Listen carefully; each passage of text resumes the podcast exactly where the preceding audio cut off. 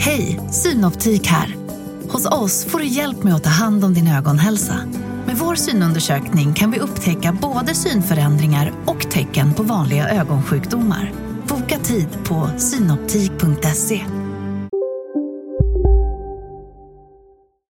Hej och välkomna till Lisa läser. Det är jag som är Lisa och idag ska jag läsa ur Puck, den lille alfen och och eh, sagan Fiskelycka. Puck visste att han hade massor att lära så han tänkte att han skulle börja med att lära sig fiska. Men eh, han ville inte fiska i floden. Tänk om jag skulle få napp, sa Puck för sig själv och fick gåshug vid bara tanken. Jag vet inte vad jag skulle tagit mig till med fisken. Det bästa jag kan göra är att sätta mig ner på den här rhododendronbusken och låtsas att jag metar. Så Puck valde ut ett långt, smidigt grässtrå och tog det med till rhododendronbusken där han kröp ihop bland de mjuka purpurblommorna och låtsades att meta.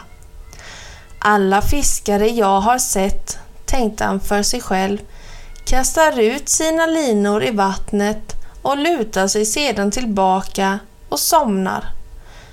Det är just vad jag ska göra.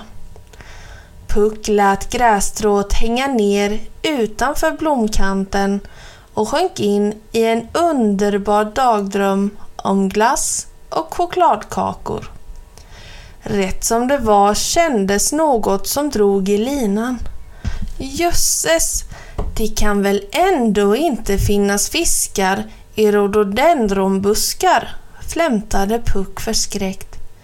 Han kikade försiktigt över kronbladen och fick se en nyckelpiga som hängde och dinglade i änden av grässtrået. Det här var roligt, ropade nyckelpigan. Får mina vänner också prova? Och Puck blev så förtjust över att nyckelpigan inte var en fisk att han sa ja och de hade roligt tillsammans hela eftermiddagen. Snipp, snapp, snut så var denna korta saga slut.